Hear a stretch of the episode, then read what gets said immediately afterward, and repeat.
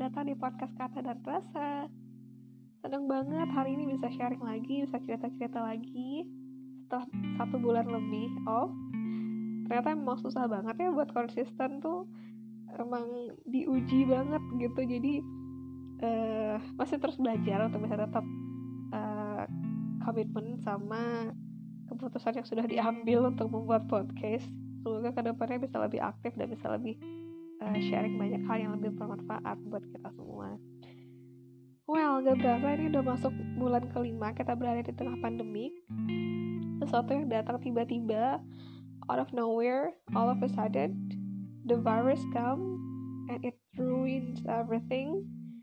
Tapi it's okay ya teman-teman, karena ini semua terjadi atas izin Allah dan kita berdoa, kita berprasangka baik. Semoga kondisi semuanya tetap uh, bisa kembali normal nanti seperti biasa seperti sedia kala gitu. Kita tetap jaga diri dan jaga kesehatan semuanya. Nggak ada yang sia-sia dan semua ini pasti ada hikmahnya.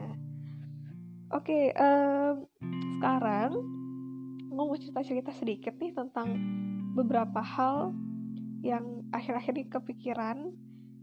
Mungkin kalau bisa dibilang ini adalah sebuah reflection dari hal-hal yang terjadi belakangan ini gitu untuk aku pribadi satu bulan terakhir itu bener-bener uh, roller coaster. Banyak hal terjadi di luar dugaan. Benar-benar berasa naik uh, arena gitu ya. Memacu adrenalin menguji kesabaran. Dan ya pada akhirnya benar-benar belajar gitu. Karena uh, setiap kejadian pasti ada hikmah dan tugas kita adalah untuk memetik hikmah itu dan mengambil pelajaran. Jadi tidak hanya uh, bersedih, kecewa, kemudian merasakan energi-energi negatif, tapi kita juga bisa kok ambil sisi positif dari suatu hal. Nah, reflection yang mau aku ceritakan, jadi ini menarik ya teman-teman. Jadi waktu aku kuliah, aku dibiasakan oleh dosen itu untuk membuat tugas yang sifatnya itu reflection gitu. It was it was very strange to me at the first time karena aku tidak terbiasa melakukan hal ini ketika masih kuliah S1 dan ketika di Leeds itu setiap tugas itu pasti tugasnya reflection reflection. So then I was asking hmm, so what is reflection so what do I need to do? Terus dibilang sama dosennya oh kalau reflection itu adalah gini um, kita membuat semacam catatan sebelum kita, sebelumnya paham pemahaman kita terhadap sesuatu seperti apa. Kemudian ketika sesuatu terjadi, ketika kita belajar, lalu kemudian perspektif kita berubah gitu. Nah, dari situ kita bisa mengambil oh, dulu saya mengetahuinya seperti ini. Hal A seperti ini. Setelah saya belajar, oh ternyata saya dapat perspektif baru. Nah, sekarang pemahaman saya yang terbaru adalah ini gitu. Jadi itu adalah sebuah reflection tentang apa yang kita lewati dan apa yang kita alami. Dalam itu kalau konteks pendidikan ya. Jadi kayak sebelum saya kuliah saya pemahaman saya terhadap sesuatu seperti ini. Setelah ketika kuliah saya dapat pelajaran seperti ini. Dan sekarang ketika mata kuliahnya berakhir saya punya pemahaman baru which is ini gitu. Nah kalau kita relate ke dalam kehidupan sehari-hari itu kayak mungkin oh dulu saya punya perspektif seperti ini. Kemudian uh, something happened to me and then uh, saya dihadapkan pada sebuah kondisi, saya belajar, saya berproses. Nah, sekarang saya yang baru memiliki perspektif seperti ini gitu. Nah, ini yang pertama dari kejadian satu bulan yang terjadi ini aku belajar bahwa ternyata um, it's not only about you gitu. Jadi gini, aku pribadi adalah orang yang cukup baper, bukan dalam artian baper yang nyusahin orang atau yang gimana ya, tapi kayak lebih ketika mengambil sesuatu keputusan itu biasanya pakai perasaan gitu. Kayak terus um, terlalu memikirkan perasaan orang lain sampai terkadang tuh kayak lupa kalau yang what matters a lot itu adalah perasaan kita juga gitu. Kita nggak bisa ignore.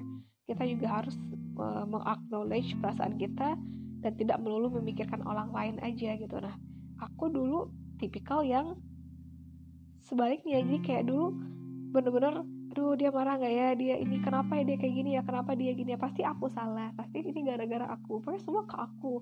Santarnya semua ke aku gitu. Sampai pada akhirnya uh, aku ngobrol baca. Ketemulah satu sentence ini. Oh waktu itu dengar YouTube-nya Mbak Analisa Widyaningrum teman-teman harus nonton deh. Beliau kasih uh, insight yang banyak banget tentang uh, self development dan self improvement beliau bilang it's not only about you. Jadi kayak misal nih kita uh, berprofesi sebagai guru atau trainer atau kita misalnya lagi ngomong di depan publik gitu ya terus kita ngeliat orang-orang ada yang ngantuk terus ada yang main handphone ada yang gelisah gitu. Terus kita kayak langsung mikir oh ini pasti gue nggak bagus nih ngasih materinya pasti gue membosankan pasti gue uh, boring banget gitu. Apa yang salah ya? Pokoknya kita tuh mengadres semua permasalahan itu ke diri kita gitu. Padahal sebenarnya mungkin salahnya bukan di kita mungkin salahnya emang di orangnya gitu. Maybe maybe they're they're tired maybe they're they're sleeping jadi emang capek mungkin dia emang lagi capek semalam mungkin begadang mungkin semalam ada masalah dia nggak bisa tidur akhirnya di kelas dia ngantuk. Atau mungkin dia emang lagi ada keperluan mendadak yang memang harus mengharuskan dia megang handphone gitu. Jadi bukan berarti dia nggak suka sama materi kita kan uh, sampai akhirnya dia megang handphone. Cuman emang dia ada perlu gitu yang mendadak mendesak. That's why dia harus megang handphone ketika mendengar kita bicara gitu. Nah uh, perspektif seperti ini harusnya kita latih agar kita tidak melulu menyalahkan diri sendiri itu uh, kalau mungkin biasanya semua yang terjadi kita selalu mengadres ke kita. Kayak pasti ini salah saya karena saya seperti ini karena saya seperti ini gitu. No maybe it's, it's not only about you gitu. Maybe it's it's it's about them it's about him it's about her. Jadi berhentilah terus-terusan menyalahkan diri sendiri uh, karena segala kemungkinan bisa saja terjadi gitu. Jadi ini juga akan membuat kita lebih sehat secara mental karena pasti berasa banget ya kayak nggak enak gitu memendam rasa bersalah. Nah ini uh, semoga bisa menjadi salah satu cara untuk kita pelan-pelan melepaskan diri kita dari rasa bersalah yang berlebihan. Karena mungkin memang itu bukan salah kita gitu. Jadi ini bisa dilatih kok teman-teman. Yakin ini bisa dilatih dan bisa dibiasakan gitu. Karena kalau kata Ustazah Yasmin Mujahid uh, one of my uh, teacher aduh teacher jadi aku suka banget dengan beliau uh, kasih kajian tentang Islamic psychology so uh, she's one of the famous uh, and impactful Islamic scholars in the USA yang punya background pendidikan Islamic uh, psychology. Jadi bagus banget teman-teman bisa lihat di YouTube channel beliau. Beliau suka sharing dan beliau selalu bilang seperti ini. Kalau respon kita terhadap sesuatu itu bersifat kognitif. Jadi sebenarnya sesuatu yang bisa kita ubah, bisa kita latih gitu. Jadi kalau kita dihadapkan pada sebuah masalah, terus kita memilih respon A, itu sebenarnya bisa kita latih untuk uh, kalau kita ngerasa respon A itu jelek dan respon B lebih baik bisa kalau kita latih kita switch gitu ke respon B. Dan itu bisa berubah gitu. Jadi uh, misal nih kalau seandainya ada masalah terus kita biasanya uring-uringan terus kita ngedumel kita mengeluh kita bisa kok melatih respon untuk tetap santai positive thinking dan tetap berserah dan tetap happy. Bisa gitu. Jadi it's something that we can change that we can train gitu intinya. Uh, semakin dewasa kita dihadapkan dengan semakin banyak permasalahan semakin banyak kondisi gitu. Nah ketika kita tidak bijak-bijak dalam memilih respon kita akan capek. Capeknya dua kali nggak cuma capek fisik tapi juga capek hati gitu. Jadi uh, mungkin salah satu cara terbaik untuk menyayangi diri kita adalah dengan memilih respon terbaik yang tidak menyusahkan hati kita sendiri gitu. because again it's not always about you gitu. Nggak selalu kita kok center of uh, problemsnya gitu. Jadi berhentilah untuk selalu merasa bersalah. Kemudian insight kedua reflection kedua yang aku bisa pelajari uh, ini ini berdasarkan pengalaman pribadi ya teman-teman. It might be different to you. Kayak lebih menghargai proses sih. Jadi hmm, Allah itu maha adil banget. Masya Allah. Kita hidup di dunia ini yang muslim ya jadi kita yang muslim pasti percaya bahwa kelak semua yang kita lakukan di dunia ini akan dipertanggungjawabkan gitu. Terus uh, apa pun every single things that we do in the world and every single decision yang kita ambil itu semua akan dipertanggungjawabkan. Um, dan baiknya Allah kelak yang akan dihisap itu adalah prosesnya bukan hasilnya. Jadi kayak misal kita nih uh, sedang uh, mau ujian gitu ya. Kan belajar itu ketika diniatkan karena Allah kan nilainya ibadah ya teman-teman. Jadi insya Allah ketika kita menuntut ilmu dan kita niatkan untuk beribadah dan untuk mencari ridho Allah itu nilainya sama dengan jihad fisabilillah gitu. Masya Allah Allah tuh meninggikan derajat orang belajar tuh segitunya. Jadi para tolabul ilmi itu di mata Allah tuh mulia banget gitu nah terus tiba-tiba misal nih kayak kita udah belajar mati-matian A B C D gitu ya. Eh ujian terus pas ujian ternyata fail. Nggak sampai nilainya atau kita ngulang. Pasti kita kecewa banget dong karena kita udah mati-matian nih di proses ternyata pas result itu sangat mengecewakan gitu.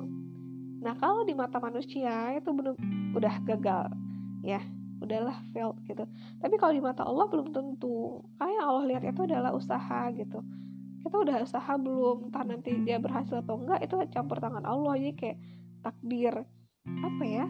Ya udah memang takdirnya hari itu kita failed mungkin gitu ya. Tapi bukan berarti kita gagal secara keseluruhan karena at least kita udah mencoba untuk melakukan usaha dan ikhtiar terbaik gitu. Even ketika kita makan terus kita ngangkat nasi dari piring pakai tangan kita gitu ya ke mulut. Kalau memang sesuatu itu bukan ditakdirkan untuk kita tetap aja bisa tumpah. Jadi kayak misalnya ada adik kita jalan-jalan terus nyenggol tangan kita kesenggol nasinya tumpah gitu. Padahal tuh udah diangkat udah mau masuk mulut udah deket mulut. Kalau memang bukan rezeki kita ya bukan buat kita gitu. Jadi kayak uh, apa ya intinya tuh dalam kehidupan ini bener-bener tuh tambah kali bagi kurangnya ikhtiar tuh milik kita tapi sama dengannya tuh milik Allah gitu.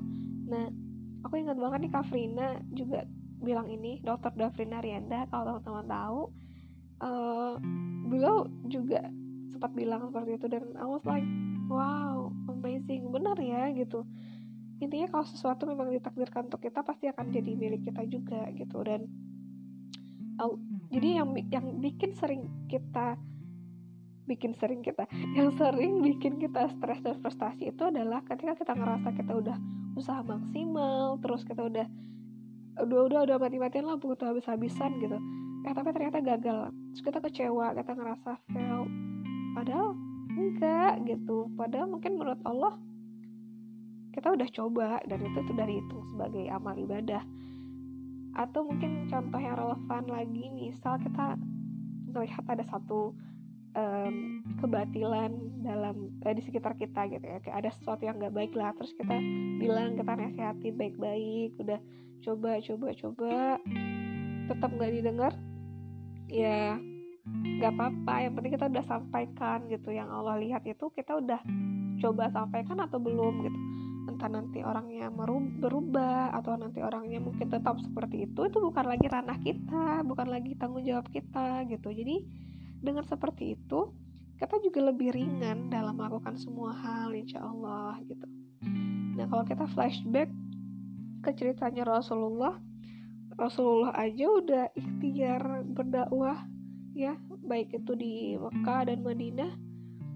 Tapi tetap aja ada yang kalau kita lihat hasil ya banyak yang uh, dalam prosesnya itu hasilnya nggak datang tiba-tiba uh, at the, at the very first trial gitu. Jadi Rasulullah pun melewati banyak tahapan-tahapan tahapan sampai akhirnya Islam bisa diterima dengan baik gitu. Nggak langsung sekali coba langsung iya langsung orang-orang ngikut enggak. Kalau kita lihat masya Allah gitu ya banyak banget yang dilewati oleh Rasulullah sampai akhirnya Islam bisa diterima sebagai agama yang baik agama rahmatan lil alamin baik itu di Mekah dan di Madinah sampai uh, Fatu Mekah lagi gitu balik lagi ke Mekah.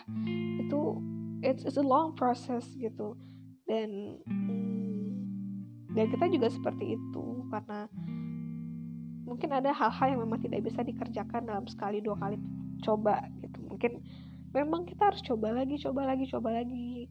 Terus juga uh, dengan memiliki prinsip dan dengan menyadari bahwa ada campur selalu ada campur tangan Allah dalam setiap kondisi kita akan jadi lebih tenang. Jadi kayak tapi dengan tidak melupakan tugas kita untuk berikhtiar semaksimal mungkin juga ya. Jadi kita udah ikhtiar terus kita tawakal kita sayang ke Allah gitu. Mungkin ini adalah hal yang sebenarnya kita udah tahu dari kecil. Kayak kayak konsep ikhtiar dan tawakal itu udah kita ulang-ulang gitu dari sekolah segala macam tapi in practice ternyata masya Allah susah. Kadang kita masih oh kenapa aku? Kenapa gini? Kenapa gini? gitu. Padahal ya ya Allah maunya seperti itu. Allah maunya kamu Allah maunya kita. Ketika Allah tetapkan seperti itu berarti Allah tahu kita sanggup gitu insya Allah. Hmm, ini tuh it's easier said than done. I know tapi insya Allah kita selalu belajar kita selalu berikhtiar dan tetap positive thinking gitu. Karena semua terjadi atas izin Allah. Ingat aja pokoknya tuh semua kondisi yang menimpa kita di saat kita udah mulai uh, hopeless kita ngerasa aduh nggak sanggup. Ingat aja semua terjadi atas izin Allah. Semua terjadi atas izin Allah. Daun sehelai daun yang jatuh aja Allah tahu gitu apalagi segala sesuatu yang terjadi di diri kita pasti itu Allah tahu. Dan Allah juga tahu kita bisa melewati itu. If if Allah uh, takes you to it he will take you through it. Jadi kalau Allah meletakkan kita pada satu kondisi Allah juga akan membantu kita melewati kondisi itu gitu. Jadi uh, jangan sedih jangan khawatir jangan putus asa dan uh, balik lagi tadi yang Allah pengen lihat itu cuma ikhtiar kita dan usaha kita dan proses kita uh, dalam melewati sesuatu gitu. Bukan hasil karena hasil itu urusan Allah bukan ranah kita. Jadi Allah benar-benar udah membagi ranah mana ranah kita sebagai hamba mana ranahnya Allah sebagai Rob gitu. Masya Allah ya indah banget. Kata Islam tuh indah banget lah semua porsi-porsinya udah pas banget. Dan tidak ada satupun aturan dalam Islam yang menyulitkan kita terus um, terakhir sebenarnya masih banyak tapi uh, kita cut aja ya kita pisah-pisah nah jadi terakhir adalah uh, it's about changing your focus. Bahwa dalam hidup uh, ada hal-hal yang memang bisa kita kontrol ada yang tidak. Jadi kayak misal apa ya yang bisa kita kontrol adalah emosi kita, perasaan kita, respon kita. Yang tidak bisa kita kontrol apa? Perkataan orang lain terhadap kita, penilaian orang lain terhadap kita. Misal juga uh, kondisi di sekitar kita itu nggak bisa kita kontrol. Jadi jangan don't be too hard to yourself.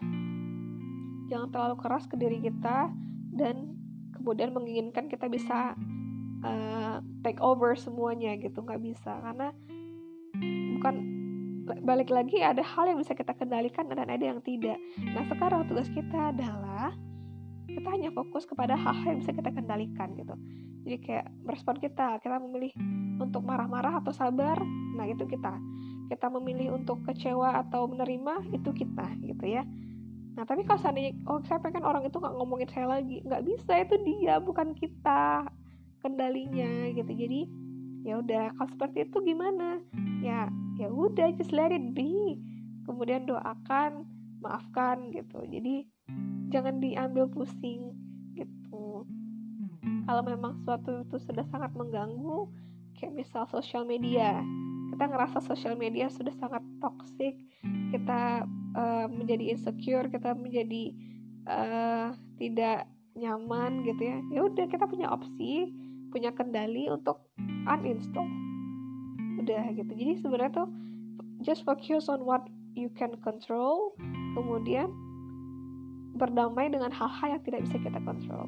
Dengan seperti itu kita akan lebih tenang dan oh iya ini bukan urus ini saya nggak bisa apa-apa soal ini. Ya udah terima kemudian doakan gitu. Terima doakan terima doakan.